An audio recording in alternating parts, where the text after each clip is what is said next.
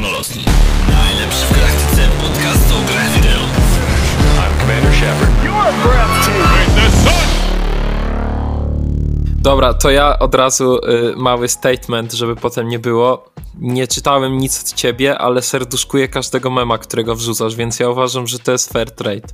Ja myślę, że to jest fair trade, natomiast będę szczery, zaczynam być troszkę zaniepokojony skalą tego, jak często mnie ludzie na przykład zaczepiają na jakimś evencie czy na ulicy i gdzieś. I pierwsze, co mi mówią, dosłownie, ani me, ani be, ani nie powiem co, kukuryku, dzień dobry, to jest Przepraszam, nie czytałem hołów, ale ja mam takie... Ale wiesz dlaczego? Bo to jest, to, to jest, człowiek się czuje winny, autentycznie, dlatego, że dostajesz książkę za darmo i jak jej nie przeczytasz, to, to się czujesz, przynajmniej ja, ja się czuję winny, bo mam coś na wyciągnięcie ręki i po prostu wystarczy posadzić dupę i to przeczytać. Nic Trochę więcej. jak z Wikipedią, trochę, trochę jest jak z Wikipedią no, no dokładnie. tak. Korzystasz, oni cię proszą o, do, o donację, uratowali ci dupę milion razy na całej twojej ścieżce edukacji, a ty im nawet złamanego grosza nie przelejesz. To jak śpiewał Tako, Fifi Owsiak stówę nadał Wikipedii. No. Także. No, ja sobie zdaję z tego sprawę i to jest w ogóle też taki temat e, dla mnie zrozumiały. Jest coś takiego jak konwersja w marketingu, czyli ile osób jak zobaczy daną reklamę, to na przykład kupi coś albo pójdzie za czymś. No, engagement po prostu. Tak, engagement i to jest normalne, że nie da się, już o tym wspomnieliśmy a propos kontrowersji w social mediach. Ciężko jest, nie mówię nie da się, tylko ciężko jest też reklamować książki w social mediach, bo to takie niewdzięczne medium do tego. E, Więc jeżeli prowadzi się kilka działalności, które się sobą trochę pokrywają, ale są różne, typu, że robię fanpage z memami, ale zarazem też robię te książki, to jest normalne, że są ludzie, którzy na przykład są tylko dla memów. E, Zdarzyły się takie pojedyncze osoby, też mówię pojedyncze z tych, które się wyautowały o tym, bo ile jest ukrytych, to nie wiem, które przyszły dla memów, a zostały dla książek na przykład. I ja miałem wtedy takie, kurczę, zacząłem robić lepsze książki niż memy, to chyba źle o mnie świadczy. Czy, czy No właśnie być pytanie. zabawny? Przestałem być zabawny, to znaczy.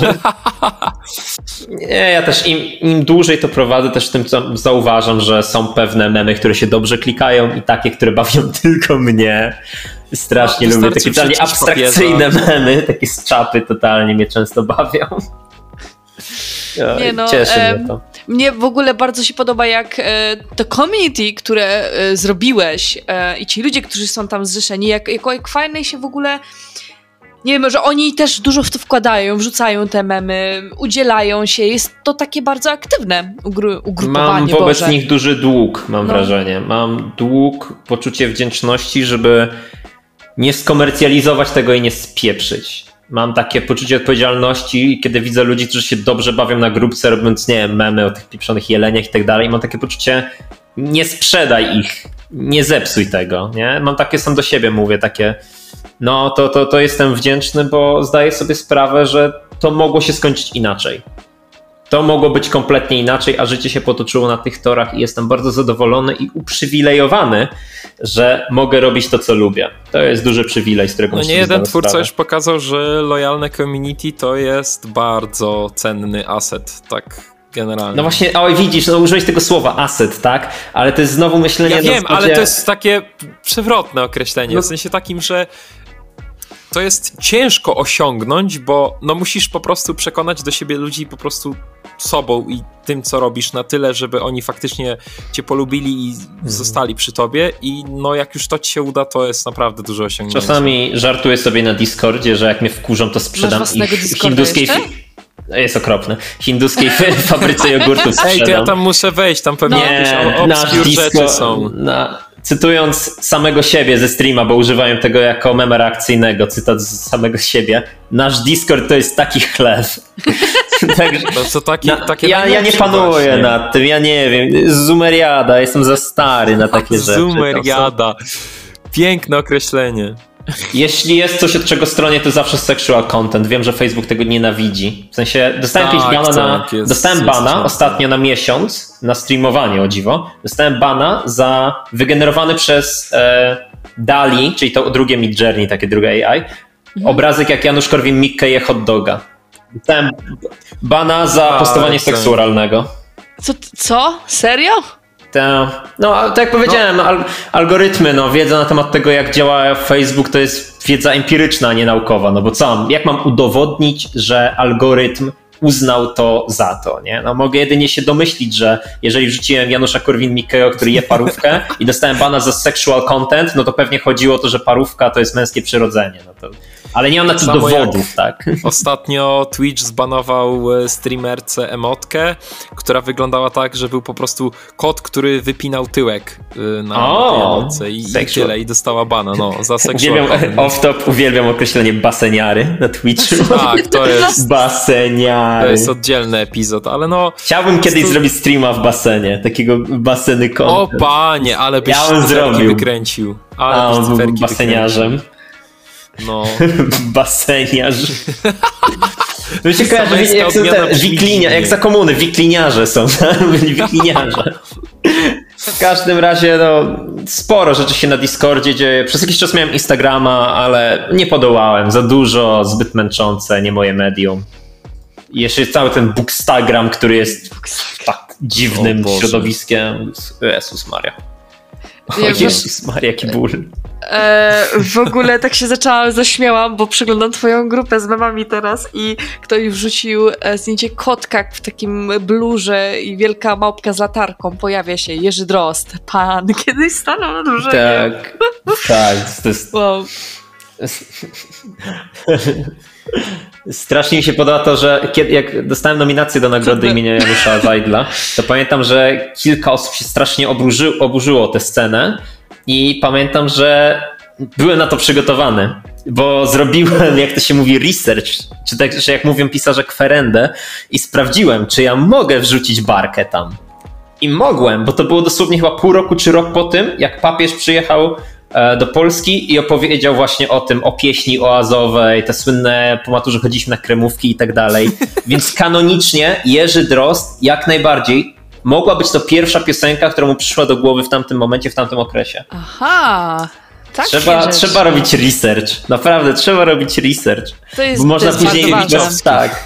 Oj, Nie, tak, ale i tak najbardziej rozbawiają mnie memy typu e, taka minka wkurzonej antylopy, kiedy widzi jakąś lopę i to jest po prostu... Proboszcz, kiedy widzi nuboszcza. bo nuboszcza, tak jest, to też jest dobre.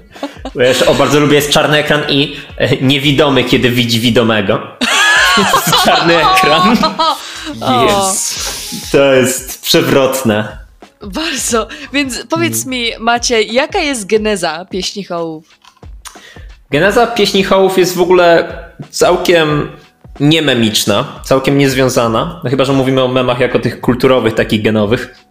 Mianowicie po, po wracałem z moją... pogadamy o memowych, Tak. genowych. Wracałem z narzeczoną z wakacji, wtedy jeszcze nie była moją narzeczoną, i mieliśmy za oknem księżyc w pełni bodajże, prawie w pełni, a szyba Intercity była zielona, przez co był strasznie zielony i zrobiła się taka atmosfera bardzo dziwna, taka tajemnicza. I tak sobie od słowa do słowa gadaliśmy, jakie to są dziwne zwyczaje na świecie, wierzenia, że pewne rzeczy się wyjaśnia, od czego jest mitologia. Ona jest antropolożką, ja psychologiem, no to też lubimy sobie o takich rzeczach pogadać. Więc tak rozmawiamy i ona rzuciła temat, mm, że jej dziadek, który lat ma teraz 97, zaraz 98, a więc jeszcze pamięta Piłsudskiego, co jest straszne. Wow, On jest... na przykład pamięta z dzieciństwa na Podlasiu, że we wsi obok jakaś kobieta spaliła swoje dziecko w piecu chlebowym. Ja mam takie, okej, creepy. Dlaczego? A to bardzo proste jest dlaczego. No bo chciała, żeby mamuna przyszła, słysząc płacz dziecka i podmieniła je na normalne. Bo, bo przyszła mamuna, ukradła dziecko, dała swoje demoniczne mamunowe dziecko i uciekła z tym zdrowym dzieckiem. No i wiadomo, że trzeba wtedy dziecko wsadzić do pieca, no to płacz tego dziecka demonicznego sprawi, że mamuna przyjdzie i odbierze. I ja mam takie, co? To się wydarzyło? I, I jak sobie tak myśleliśmy o tym, to mnie strasznie to rozbawiło, że z antropologicznego punktu widzenia to wiadomo, że te wszystkie mity i tak dalej często są przystosowawcze, bo czym to jest? No to jest po prostu, brzydko określę, aborcja postnatalna. Nie mamy gąb do wyżywienia, trzeba się ich pozbyć. Kiedyś na wsiach były takie kobiety, które zajmowały się dokładnie tym, że na przykład nie karmiły dzieci, i to była ich praca strasznie. Dziecko niekarmione jest bardzo głośne i każdemu człowiekowi się kraje serce. Taką miały pracę, że zabijały dzieci za matki, które same nie chciały lub nie mogły tego zrobić. Po prostu za dużo go do wykarmienia. Brzmi okropnie przez zagłodzenie. Off-top, jedną taką kobietę na wsi powieszono za to, że zamroziła dziecko zamiast zabić z głodu. Wystawiła je na dwór na mróz, co jest przyjemniejszą śmiercią niż śmierć z głodu, ale była trochę niezgodna z obyczajem, więc ją powiesili. Także wow, antropologia, Wow. nie? No, Ludzie, trochę. kultura, folklor. I ja rzuciłem wtedy pomysł, ale to byłoby dziwne, jakby te wszystkie rzeczy były prawdą. W sensie, tak, jest mamuna, no kradnie dzieci, ci ludzie na wsi mają rację. Tak, te demony istnieją, tak, w lesie są magiczne licha, tak, wszystkie te rytuały są prawdziwe. Mówię, że to byłoby strasznie zabawne, gdyby się odwrócił świat. I nagle ten świat mitologiczny był światem naukowym de facto. No i wiecie, stąd do hołów już o krok, tak? I zacząłem sobie robić research, zastanawiać się nad tym. Wyszło, że nawet w późnym PRL-u jeszcze w wielu wsiach na Podlasiu wierzono na przykład w różne południce i tak dalej. Wierzono jak wierzono, nie? Ktoś może powiedzieć, że nie idzie w pole, bo południca, czyli bo południe i gorąco, a ktoś inny, że południca przyjdzie jak w Wiedźminie cię zetnie sierpem, nie? Jajks. Ale jak sobie o tym myślałem, to to było pasjonujące. Nagle zacząłem się zastanawiać, jak nadać temu kształt, kto może być bohaterem tego, co zrobić z tym. No, z punktu widzenia zewnętrznego, postać, która by badała szkodliwość tego, a okazałoby się, że to jest wręcz przeciwnie, to nie jest szkodliwe, to jest pozytywne, bo ratuje tych ludzi, byłoby bardzo ciekawe. E, I zacząłem myśleć też o, oczywiście o nawiązaniach kulturowych, bo jak kraść to od najlepszych i tak naprawdę ciężko jest coś oryginalnego stworzyć, zacząłem myśleć o pikniku na skraju drogi Strugackich.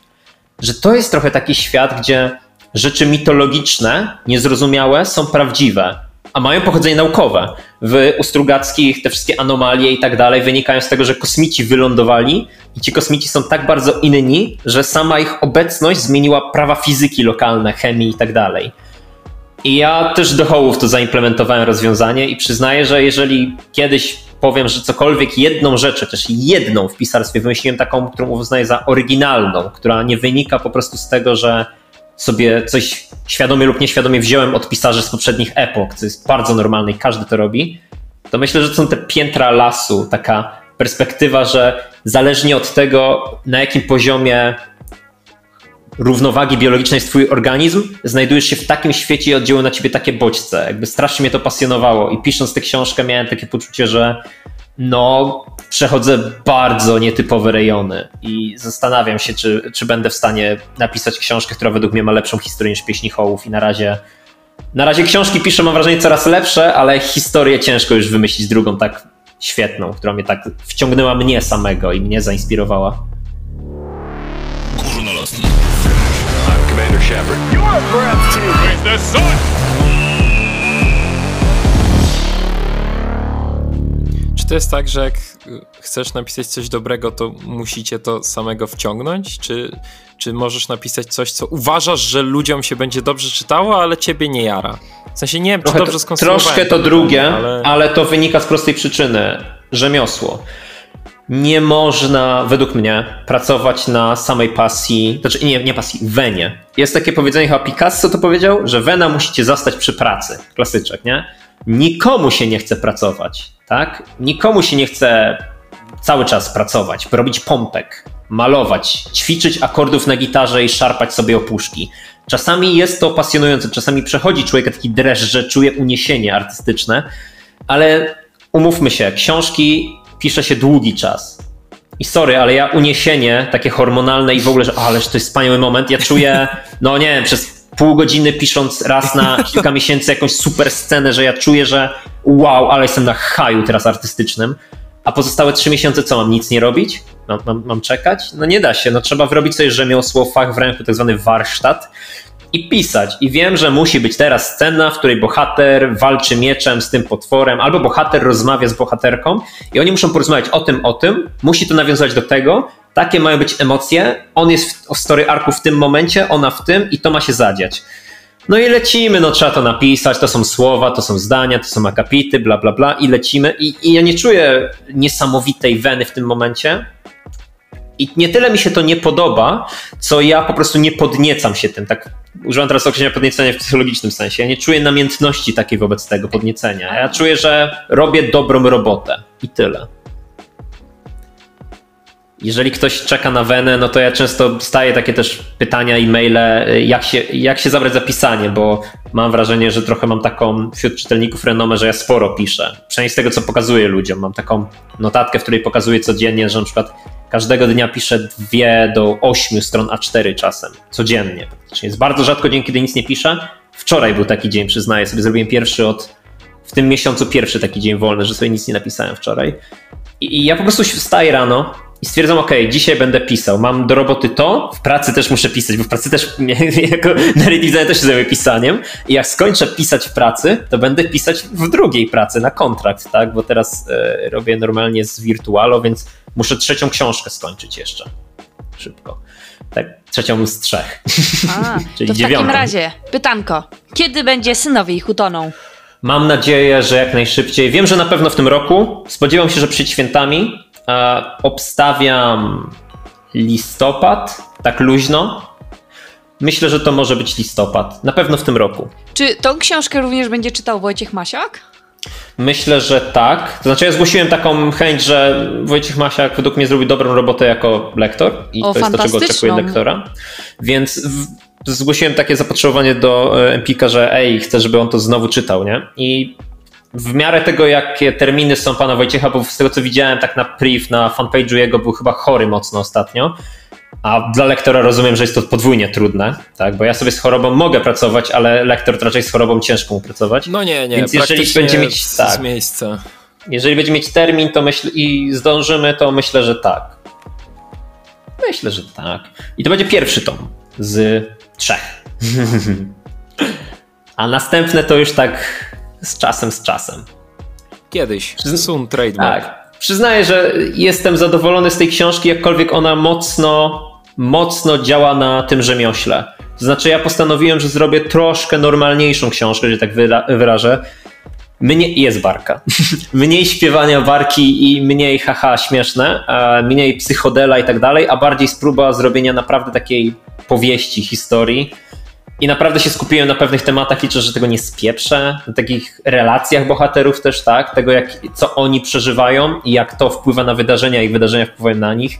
Także no, to jest ten temat, o którym już dzisiaj mówiliśmy, czyli czy widzimy, że nasze dziecko jest brzydkie? Nie. Trzymamy kciuki, żeby nie było. Bardzo Nie, to chcemy. liposukcja.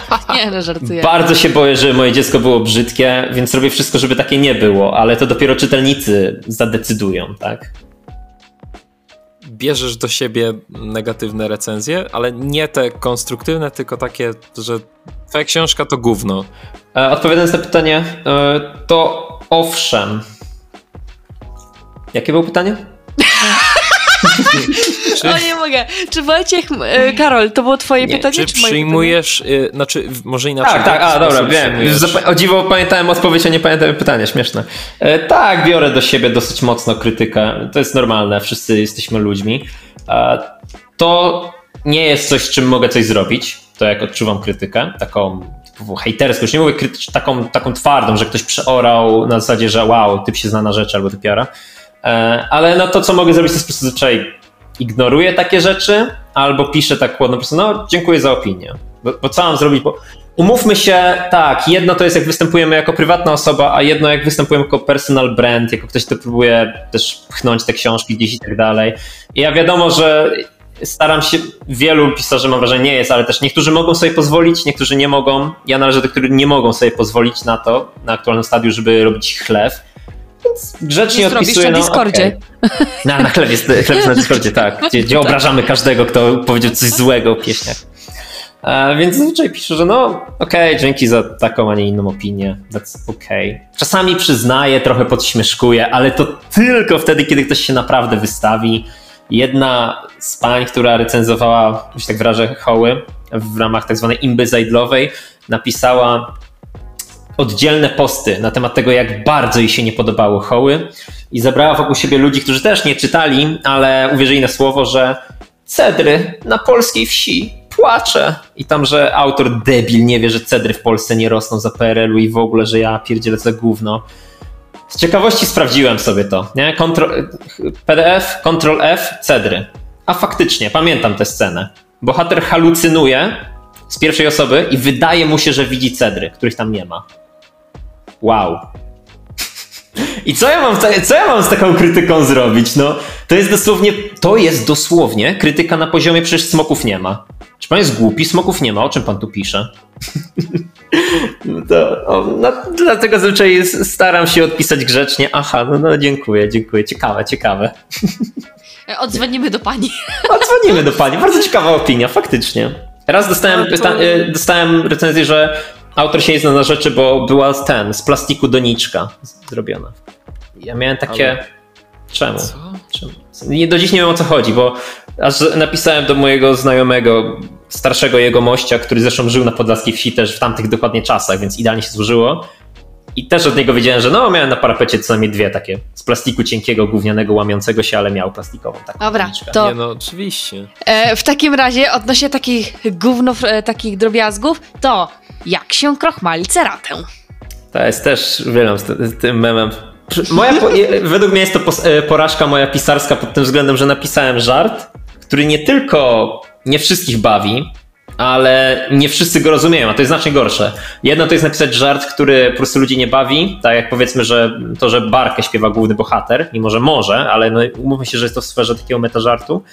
A inne to jest napisać coś niezrozumiałego. I, i do mnie do dziś boli, że, że źle to wybrzmiało w zdaniu tam, że ch- chciałem pokazać, że ten ksiądz, który tam opowiada o tym, jak on sam sprząta sobie mieszkanie, potrzebuje go sposi i on tak bardzo sobie nie radzi z tym sprzątaniem, że wykrochmalił ceratę nawet. Nie? Jest taki żart trochę z absurdu, nie? że pff, bzdura, ale wyszło na to, że y, według niektórych nie wiem, co to jest cerata. Więc, Znaczy, y, no, tak o, więc, no, no cóż, no przyjmuję to na klatę, że niektórzy ludzie mają mnie za idiotę i to jest teraz moja wina. Znaczy nie, no to jest taki e, inc- e, żart typu incepcja, że ma, e, że musisz pod e, warstwami szukać. Ale nie, no to, to jest dobry taki... Um, kojarzysz Powiem tego tak. koleżkę e, ciemnoskórego, który się tak puka w głowę. Nie pamiętam, czy to był jakiś aktor, czy po prostu jakiś ziomeczek, e, ale właśnie to mi się skojarzyło, jak teraz mi wyjaśniłeś o tej ceracie. Jakbym zobaczył, to bym kojarzył. Ten Mówisz, mem, czekaj, memiczna czekaj, postać. czekaj, czekaj, tak to jest memiczna postać. Ja kojarzę, jak się puka w głowę William Defoe w filmie American Psycho, w którym swoją drogą gram główną rolę, bo ja jestem Patrick Bateman, to totalnie ja. Literally me. Oglądałem ze znajomymi swego czasu, mieliśmy, byliśmy na wakacjach i chyba w 7 osób oglądaliśmy na laptopie American Psycho i mamy takie zdjęcie, jak pokazujemy O. wszyscy na ekran i podpis literally me. To jest meme Thinking Black Guy. E, Thinking black guy. To jest O taki koleżka, który troszeczkę wygląda jak Eddie Murphy i ma A, no faktycznie wygląda, ja kojarzę, dobra, roll Nie, save. że, Tak. Rzeczywiście, A, no trochę wygląda jak ten, e, jak Dobra. Eddie Murphy. Tak, kojarzę, ty powiem. E, On też ma kilka. In... I to jest chyba ten sam, który robi też takie zdziwioną minę, takie wytw, i on wtedy jest w białej koszulce. Tak mi się wydaje, że to jest ten sam. E, to jest ten sam? Czekaj. Może być. Nie jestem, nie jestem teraz rasistą, że nie rozpoznaję. Po prostu wydaje mi się, że to może być ta sama osoba. Nie wiem, nagranie jest słabej jakości, proszę mnie nie kancelować. Ale tak, e, feng. E, To jest to. to jest bar- bardzo mnie to też cieszy. Powiem wam, że napisanie, zrobienie researchu do tego, jak się żyje w PRL-u, a opisanie książki w, PRL, powiedzmy w realiach PRL-u, a potem stykanie się z czytelnikami, którzy przeżyli PRL, proszenie się o kłopoty, bo to jest dosłownie na poziomie tego, jakbyście napisali grę o tron i nagle ktoś z średniowiecza do was przychodzi i mówi, że bardzo brzydko opisaliście to, że w ogóle to jest bardzo niemiłe, nie było żadnych smoków. A u nas wcale tak nie było. O, naj, najgorsze teksty są, u mnie tak nie było. Znaczy mam na przykład coś, co wiem, że się wydarzyło w tamtym okresie, w tamtym miejscu przez ludzi. Wiem to z pierwszej ręki, bo też robiłem taki research i według mnie taki był najbardziej wartościowy. Ale ktoś mówi, że on żył na innej wsi, w innym czasie, w innym miejscu i u niego tak nie było. Więc no jest, żyje się ciężko na świecie, co mam powiedzieć. Dlatego, dlatego trzeba być skrybą. Maciek, Trzeba powiedz mi, skrybą. jak to jest być skrybą? Nie ma tak, że dobrze, albo że niedobrze. Strasznie lubię ten tekst. Znaczy, ja w ogóle uwielbiam ten film. Ja wiem, że on jest teraz aktualnie, ma trochę dziwny status przez skrybawkę i przez to, że go obejrzałem 100 razy, ale on jest taki u mnie filmem familijnym. Kojarzycie, że każda rodzina powinna mieć swój ulubiony film, Tak. który się ogląda rodzinnie. No No to w mojej rodzinie to jest y, właśnie Misja Kleopatra. Uwielbiam się, zawsze przerzucamy z ojcem, ojcem tekstami z tego, albo jak to do abordażu? Ale nie, polski, polski dub jest po prostu tutaj, no... A wiecie, że bodajże, każdy tam scena jest, że tam mówią Aleksandrymem, taka scena jak Panoramix przy, e, wita... Mm, Jezus Maria. W każdym razie, y, y, trochę się zaplątałem, ale Panoramix tam jest witany, że tam przebyłem szmat drogi, choć nie miałem wozu. Numer nabis mówi taki tekst. I wyjaśnia Panoramix, tam mówią Aleksandrymem, że rymem aleksandryjskim i że on ma jakiś rytm, trochę jak wiecie, powieść panu, jak pan Tadeusz ma taki rytm.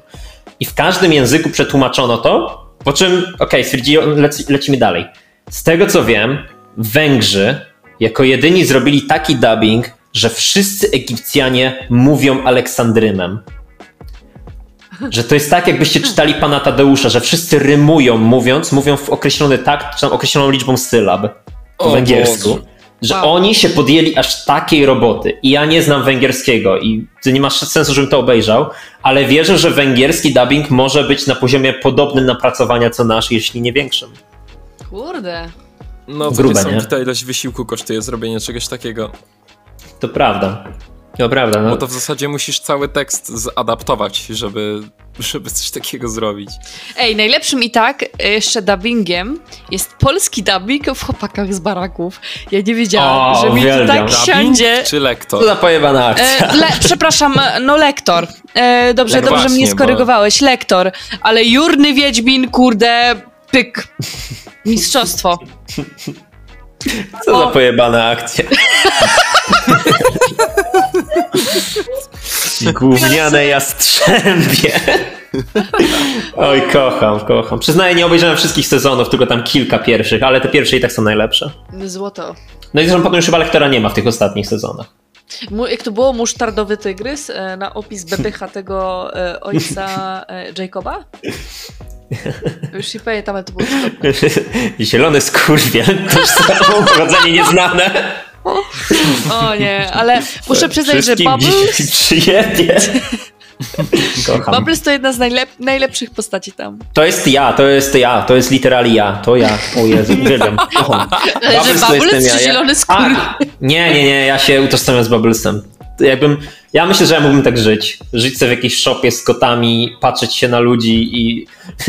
Can you read this, son? I don't know, can you fuck off?